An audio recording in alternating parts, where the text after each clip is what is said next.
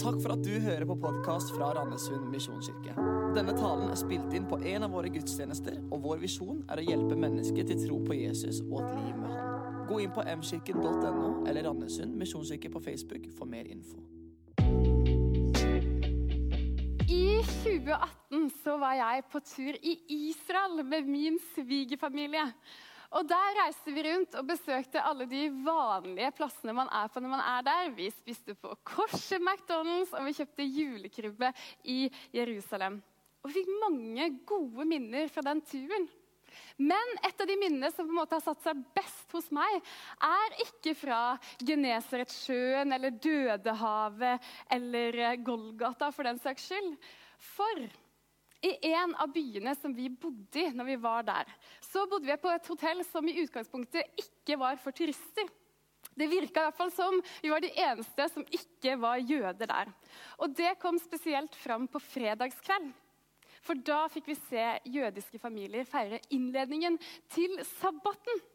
Og det var utrolig gøy og litt spesielt, og ganske høytid også. Vi hadde akkurat forsynt oss eh, av maten vår fra buffeen. Så satte vi oss ned, og plutselig begynte bordet ved siden av oss å resitere gamle jødiske skrifter og sende rundt et beger og synge og be sammen. Og Det ble en veldig spesiell stemning, og vi så på med store øyne. For det er ikke akkurat sånn måltidene ser ut hjemme hos oss, verken til hverdag eller høytid, for å si det sånn. Men Jødene samles ofte rundt et måltid, og det har de alltid gjort.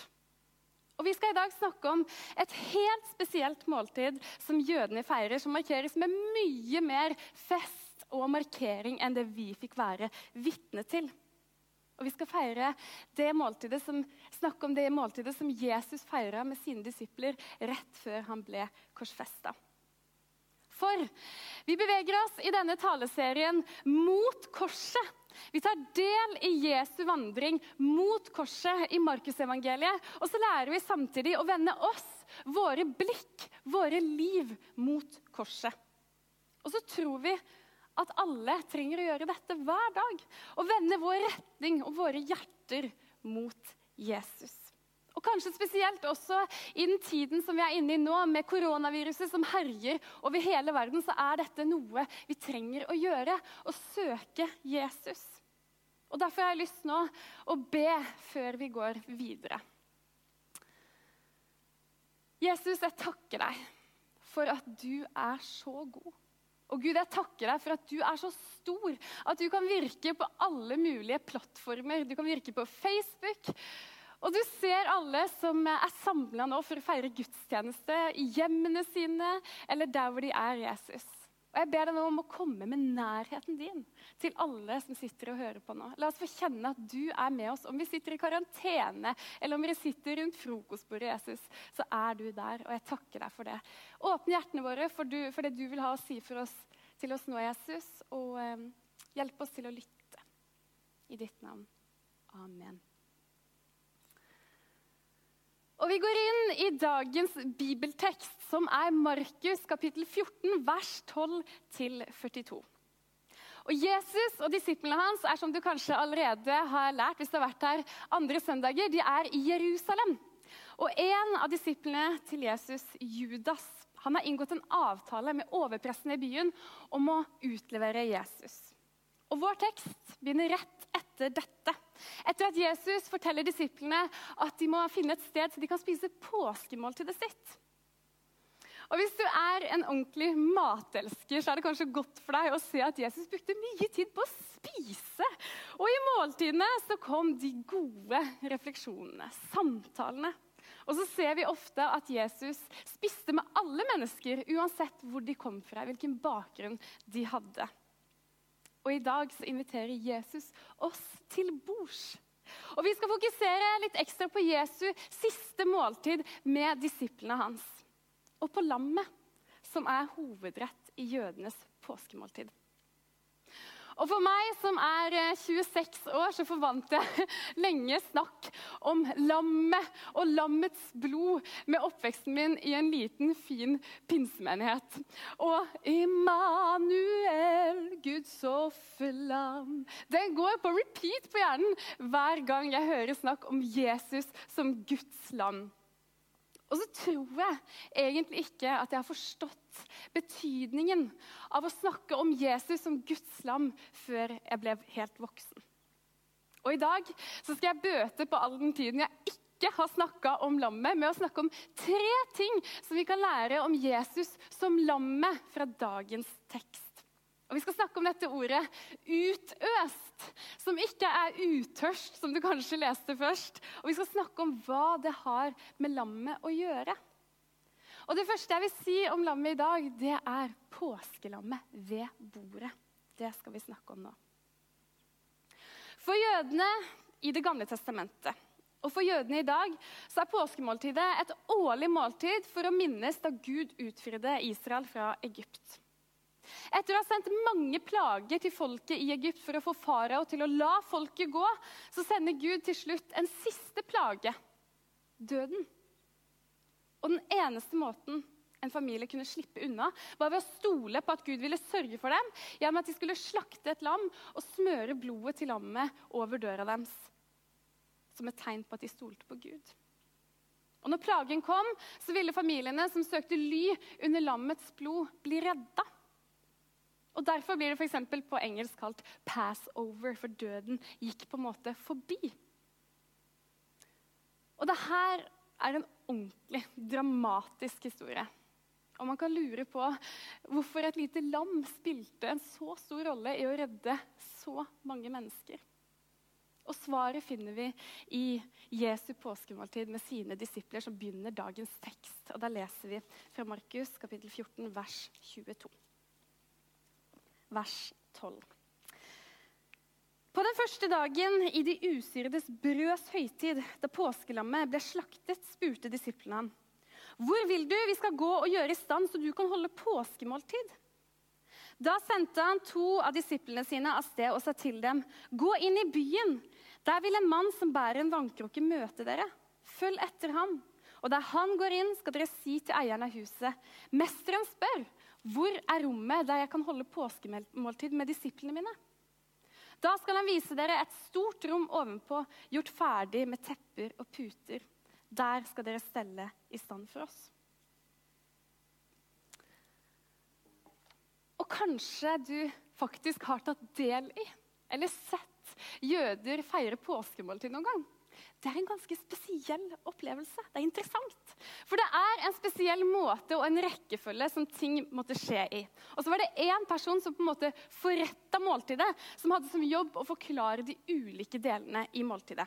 Og den som forretta, ville velsigne måltidet og så ville han løfte fram hvert av elementene og forklare elementene. Urtene, brødet, lammet og forklare symbolikken i det. Og for så ble brødet Det symboliserer lidelsens brød som jødenes forfedre fikk under utvandringen fra Egypt. Og så hadde de et slags ferdig manus på hele måltidet, så alle visste hva som kom når de ulike elementene ble løfta opp og ble velsigna. Men nå var det Jesus som holdt påskemåltid for sine disipler. Og Vi skal lese videre hvordan Markus beskriver det. Mens de holdt måltid, tok han et brød, takket og brøt det, ga dem og sa, 'Ta imot, dette er min kropp.' Og han tok et beger, takket, ga dem, og de drakk alle av det. Og han sa til dem, 'Dette er mitt blod, paktens blod, som blir utøst for mange.' Tenk overraska disiplene til Jesus må ha blitt når han plutselig ikke følger manus for påskemåltidet, men legger hele symbolikken til seg selv.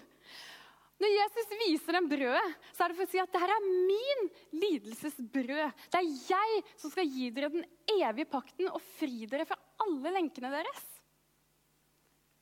Og pakt her det er en formell avtale mellom mennesker og Gud, som vi spesielt kan se i Det gamle testamentet. Og Inngåelsen av en sånn pakt den var litt mer sånn vikingaktig enn vi kanskje kan forestille oss. Det var ikke sånn at De skrev under på et ark og tok hverandre i hendene pent. Nei. De delte ofte et dyr i to, og så la de de på rekke. Og Så gikk en representant fra hver side av pakten igjennom disse dyrene. Og Det var for å signalisere måtte dette bli gjort mot meg om jeg ikke holder min del av pakten, avtalen vår. Eller så ville man ofre et dyr og så ville man stenke blodet fra dyret på noe og utøse det. Og det er ganske ekkelt for oss å tenke på i dag. Men det var rett og slett for å si måtte mitt blod bli utøst. Eller jeg er rett og slett delt i to om jeg bryter vår avtale, vår pakt. Når Jesus sier det her om at det er hans blod paktens blod, det er det som blir utøst for mange, så sier han at resultatet av det offeret han nå skal gjøre, er en ny pakt mellom oss og Gud. Og basen i denne nye pakten det er Jesus stedfortredende død for mennesket. Og med Jesu enkle ord som vi så fort bare ofte leser forbi, så sier han så mye. Han sier at alle tidligere offer. Lammene de har spist i hvert eneste påskemåltid, har pekt fram mot han. Og så sier forfatter og pastor Timothy Keller noe veldig interessant. Han sier at vi leser ingen plasser at de faktisk spiste lam, selv om det var påskemåltidet. Det står ingenting i noen av evangeliet om at lammet var på bordet. Men det var ikke noe lam på bordet, fordi Guds lam var ved bordet. Og Det er derfor døperen Johannes sa da han så Jesus for første gang Se, Guds lam som bærer bort verdens synd. Og Det er derfor profeten Jesaja kunne si mange mange år før Jesus kom, om han, at skylden som vi alle hadde, lot Herren ramme ham. Han ble mishandlet, han ble plaget, og han åpnet ikke munnen lik et lam som føres bort for å slaktes. Han tømte ut sitt liv til døden og ble regnet blant lovbrytere, sier Jesaja om Jesus. Påskelammet, som nå sitter ved bordet, skal snart dø for å opprette en ny pakt mellom mennesker og Gud. Og Det fører oss inn i det neste jeg har lyst til å si om dagens tekst. Nemlig at lammets blod ble utøst for mange. Og det er med Jesu egne ord. For når Jesus kan si at 'dette er min kropp, dette er mitt blod', så sier han egentlig at 'det er meg'. Jeg er den Jesaja og Johannes snakka om. Jeg er Guds lam, som alle de andre lammene dere har spist før, har pekt fram mot. Jeg er lammet som tar bort verdens synd. For det var jo derfor han kom. Ikke bare til de som tilfeldigvis befant seg i det bitte lille landet Israel akkurat da, men for hele verden til alle tider. Så hele grunnmuren i denne pakten som Jesus nå fører oss inn i, det er Jesu blod. Og Det kan være ganske vanskelig å forstå sånn språkbruk for mange, kanskje spesielt oss unge i dag, tror jeg. Og jeg vet ikke med deg, men Da jeg gikk på barne- og ungdomsskolen, så var de kristne en hardt utsatt gruppe. for å si det sånn. De ble fort erta hvis det var noe. Og jeg eh, endte opp flere ganger med å si fra meg min kristne tro, for jeg ville ikke være teit. Og denne mobbingen av kristne den er ikke ny. Se her. Dette er en inskripsjonstegning, eller egentlig eldgammel graffiti, som er utstilt på Palatinerhøyden-museet i Roma. Den er datert til ca. 200 år etter Jesu død og oppstandelse.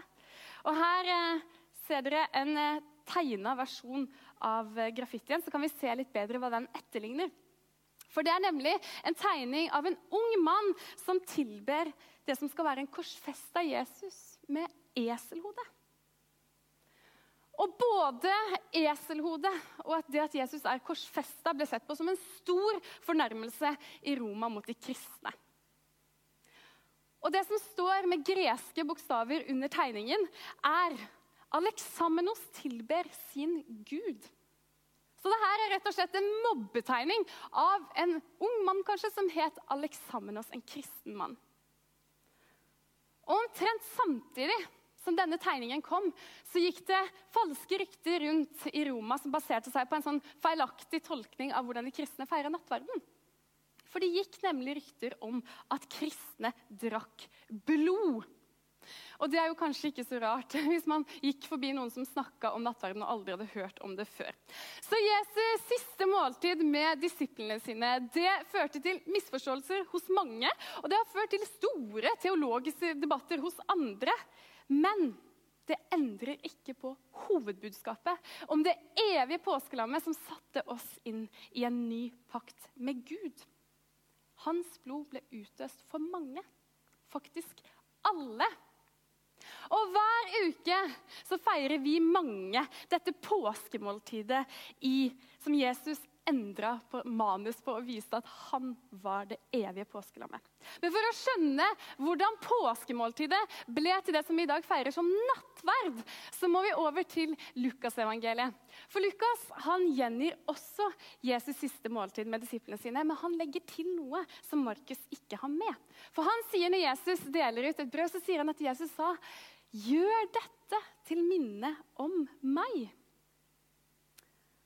Og Noen år senere så gjengir Paulus det her igjen i sitt brev til korinterne når han forteller dem hvordan de skal feire nattverden.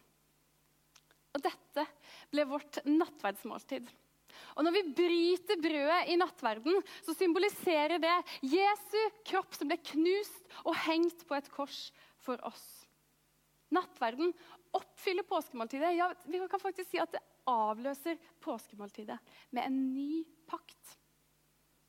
Og vinen i måltidet symboliserer Jesu blod på korset, utøst for våre synder. Så hver gang vi tar del i nattverden, så minnes vi Guds offer, Jesu stedfortredende kjærlighet. Og Det første påskelammet det var jo det påskelammet som de slakta i Egypt. Det måtte jo også spises, for de kunne ikke waste den maten. Og på samme måte som de måtte det, så kalles vi også i nattverden i Jesu påskemåltid til å ta inn nattverden, spise det, på en måte. For vi kan jo være ordentlig sultne. Og så kan vi ha en hel haug med nydelig mat foran oss. Men vi vil ikke stagge sulten før vi faktisk spiser. Det hjelper ikke å se på maten, og det hjelper ikke å lage den. Det gjør ingen forskjell for kroppen vår før vi faktisk spiser den. Så ved å ta imot nattverden så symboliserer vi det som symboliserer Jesu kropp og blod. Så sier vi at det her tror jeg på. Det her ønsker jeg å ta inn i mitt liv. Det her er så viktig for meg. Jeg trenger det. Og med nattverden, når vi tar imot den, så bekjenner vi tre ting. Vi bekjenner vår tro. Vi tror på Jesu død, oppstandelse og hans framtidige gjenkomst. Og vi bekjenner også vår synd. Og fordi vi i utgangspunktet er atskilt fra Gud, så er vi, våre liv og våre evigheter helt avhengig av Jesu blod utøst for oss. Og til slutt bekjenner vi også vårt håp. At det Jesus sier om at han skal spise Se her. Han sier i vers 25.: Sannelig, jeg sier dere, aldri mer skal jeg drikke av vintreets frukt før den dagen jeg drikker den på ny i Guds rike. Og vi bekjenner vårt håp med den her. At vi skal få samles i et ordentlig festmåltid med Jesus i himmelen når tiden er inne. Så Nå har vi sett at Jesus som det evige påskelammet setter oss mennesker inn i en helt ny pakt med Gud som gir oss en evig, trygg grunn å stå på. Og Vi kalles i nattverden til å ta del i det her, for blodet ble utøst for mange, ja, faktisk alle. Og det er vi selv som må spise, det er vi selv som må ta det inn over oss. Andre kan ikke gjøre det for oss. Og det kan være veldig vanskelig for mange. Og Det tar oss til det siste som jeg har lyst til å si deg om dagens tekst. Og som igjen jeg tror fører oss nærmere korset. Nemlig at det koster oss å følge lammet. Noen ganger når jeg leser om disiplene til Jesus, så kan jeg tenke litt sånn åh, Stakkars Jesus! For en gjeng han hadde med seg! Men den gjengen var også de som endte opp med å ta hele evangeliet ut i verden. Og de starta en verdensvid bevegelse som vi i dag absolutt er en del av. Og Noen ganger når vi leser om disiplene i evangelien, så kan vi si at de har litt av en reise fra der de begynte, til der de endte opp. Og jeg tror ikke akkurat at de visste hva de skulle nå, når Jesus kalte dem én etter én i Galilea. Og så er jeg også så glad for å se at disiplene er hverdagsmennesker i møte med Jesus. For de brukte store ord, de lovte masse, og de tvilte. Men likevel så fikk de være de første som fikk bære oppdraget ut i verden.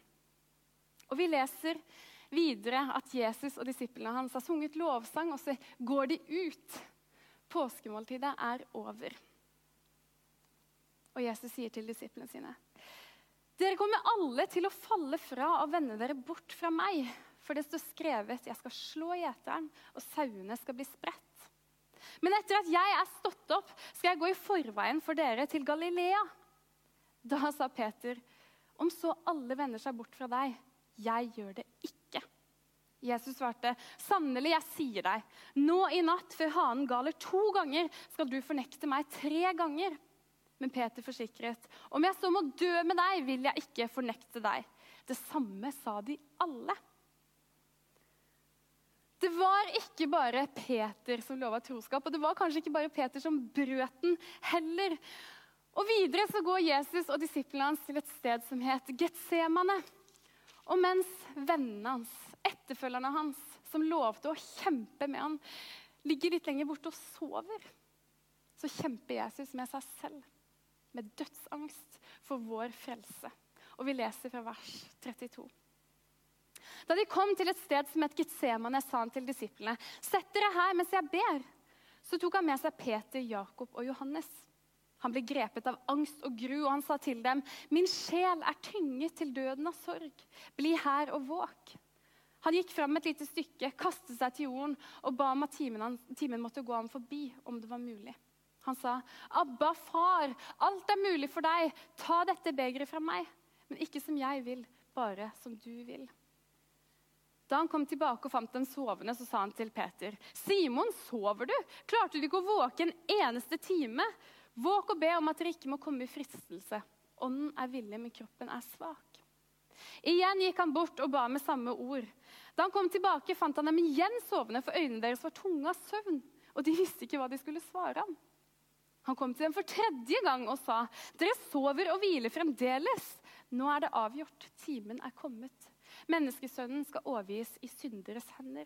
Stå opp og la oss gå. Han som forråder meg, er nær. Og derfra går de inn i en slags ny æra.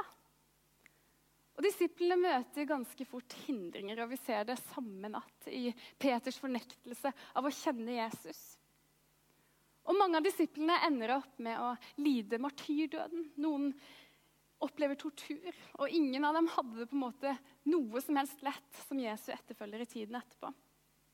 Og Jesus vet det, og han vet at disiplene hans kommer til å tvile, feile og gjøre akkurat det de, han, de sa at de ikke skulle gjøre. Men likevel så sender han dem ut. Og vi har aldri blitt lovet et enkelt liv, verken som kristen eller som ateist. Og jeg tror at Hvis vi hadde tatt bort det som står i Det nye testamentet om forfølgelse, så ville vi sittet igjen med en ganske tynn bibel. For det koster å tro på Jesus. Og det har det alltid gjort.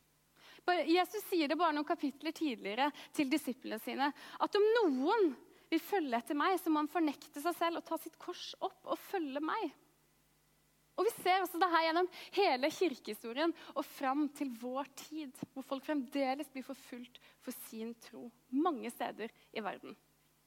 Stefanus, som vi kan lese om i Apostlenes gjerninger, han ble, han ble den kristne kirkens første martyr. Og For fire år siden så sprengte en bombe under en adventsgudstjeneste i St. Peterskirken i Kairo og drepte 25 mennesker. Åpne dører, en organisasjon som er til for forfulgte kristne rundt i hele verden, de har lagd en liste, en oversikt som de kaller World Watch List, som er en oversikt over hvor i verden det er mest forfølgelse av kristne, og hvor mange det gjelder. Og I de 50 landene som er på årets liste, så lever 260 millioner kristne under høy, svært høy eller ekstrem grad av forfølgelse. Og det er en økning på 15 millioner fra i fjor. Og her i Norge så kan vi ikke engang sammenligne oss med en sånn forfølgelse. Men barn, skolebarn blir mobba mer og mer for sin tro, og vi ser at den kristne tro latterliggjøres i media oftere og oftere. Hvorfor har mennesker valgt å gå i døden for det her, helt fra de første kristne? Hvorfor sitter mennesker i fengsel for det her verden over? For sin tro. For de er overbevist om at Jesus er den han sa han var. I 2007 så angrep en gruppe med ekstremister et selskap som produserer bibler i Tyrkia. Tre som jobba der, ble torturert og drept. Og En av dem var den 35 år gamle tobarnspappaen Nesati Aydin, som dere ser helt til høyre i bildet. Og Han var en kristen mann som var veldig åpen med sin tro, og han vitna ofte om Jesus til de rundt seg. Og han ble kristen og møtte kona si, og etter det ble han veldig opptatt av å dele evangeliet. Og Han levde i fred med alle menneskene rundt seg. Så det kom som et stort sjokk for alle rundt når han ble drept for sin tro. Og Før Nesati og kollegaene hans ble drept, så ble de tvunget til å si at Jesus ikke var Guds sønn, og til å fornekte sin tro. Men det nekta de, og de ble martyrer. Og det her skjedde i 2007. Det skjer hele tiden fordi mennesker er så overbevist om at Jesus er deres frelser, Guds evige påskeland, at de kan gå i døden for det. Den rene kjærligheten som Jesus viser på korset ved å utøse seg selv, det er en stedfortredende kjærlighet. Og den ekte, livsendrende kjærligheten er ofte stedfortredende. Og De ytterste eksemplene på det har vi jo sett her, med de som velger å gå i døden for det de tror på, eller gi livet sitt for vennene sine. Og Et annet, kanskje litt mer banalt og enkelt eksempel for oss her i landet kan jo være hvis man for bestemmer seg for å være vennen til den i klassen på ungdomsskolen som kanskje ikke har noen venner. Og så mister man kanskje sitt gode rykte og kanskje sine egne venner til og med. Men du gjør det likevel, for det er viktigere for deg å være en venn. Og vi er kalt til å vise denne kjærligheten, til å utøse denne kjærligheten til menneskene rundt oss. Og Jesus sier det selv at ingen har større kjærlighet enn den som gir sitt liv for vennene sine. Det er en ganske bold statement. Og Det betyr ikke at det å være martyr er et mål i livet. men Det betyr at vi skal strekke oss så langt vi bare greier for å gi kjærlighet til menneskene rundt oss. For å vise den ekte, livsendrende, stedfortredende kjærligheten til mennesker rundt oss. Det skjedde en drastisk forandring i disiplene sin reise og liv. Fra de løy om å kjenne Jesus til å gjemme seg fra andre folk, til de får Den hellige ånd og blir modige og frimodige. Og til tross for at de fengsles og tortureres og trues, så kan de ikke tie om det de har sett og hørt. Og den samme Hellige Ånds kraft lever i alle oss som tror på Jesus. Og den gir mot, og den gir kraft, og den kan til og med gi kjærlighet til den som forfølger oss. Det koster å følge sannheten. Men i dette korte tidsperspektivet, som er livet vi lever nå, så er vi lovet en evighet med Jesus. En evighet uten død, forfølgelse eller sykdom. Jesus ba selv om å få slippe det som lå foran ham, men han visste samtidig at Guds vilje ville skje, og at det evige påskelammet ville seire. At hans blod, utøst, ville være til frelse for alle mennesker. Og i vår tekst, rett før disiplene sier at de aldri skal forlate Jesus og ikke fornekte ham, så sier han til dem i vers 28. Han sier, 'Men etter at jeg er stått opp, skal jeg gå i forveien for dere til Galilea.' Jesus gikk i forveien. Han visste at han kom til å dø og stå opp igjen. Men han lovte disiplene at han ville vente på dem der hvor han først kalte dem. Og der ville han igjen kalle dem og gi dem livets oppdrag og livets løfte også. At de skulle forkynne evangeliet om det evige påskelammet som utøste sitt blod, utøste seg selv for alle mennesker, og så at han aldri, aldri skulle forlate dem. Som kristen kalles vi med korset i sikte til å ta opp vårt eget kors og følge etter Jesus. Og jeg vet ikke hva det vil bety for deg og ditt liv. Kanskje betyr det for mange at vi endrer fokus fra hva Jesus kan gjøre for meg, til hva han kan gjøre gjennom meg. Og Kanskje betyr det at du må ofre noen ting for å kunne leve med korset i sentrum for din hverdag. Hva betyr det for ditt liv at Jesus går foran deg? Hvordan kan du som etterfølger av Jesus stå i denne koronatiden som vi er i nå? Hva kan du gjøre som etterfølger av Jesus? Hvordan kan du gi det du har fått, videre? Og kanskje du hører på nå og ikke er en kristen. Da kaller Jesus deg også til påskemåltid. Til å ta inn over deg at det han gjorde ved å sette oss inn i en ny pakt, det er for deg også. Til å se på korset og ta stilling til hva det har å si for ditt liv. Til å ta imot han som din frelser. Påskemåltidet Jesus hadde med sine disipler, viser oss at jødenes minnemåltid med påskelammet i fokus alltid pekte mot han. Han var Guds siste og evige påskelam som tok på seg hele verdens synd. Og det var hans blod, utøst, som satte oss mennesker inn i en ny pakt med Gud. Jesus ga sitt liv, utøste seg selv og som etterfølgere av han, så kalles vi til å ta opp vårt eget kors og vandre med hans kors i sikte og utøse vår kjærlighet, selv om det kan koste oss. La oss be. Gud, jeg takker deg for at du tok bolig iblant oss. Du ble en av oss gjennom Jesus. Takk for din kjærlighet til oss. Jesus, takk for at du utøste deg selv, sånn at vi kan få et evig liv, en evighet med deg. Uten sykdom, uten tårer, uten død og forfølgelse. Hjelp oss til å ta opp vårt eget kors og følge deg i dag. Og Jeg ber deg spesielt for de som kanskje synes det er vanskelig. Jeg ber dem å komme nær nå og gi frimodighet og styrke.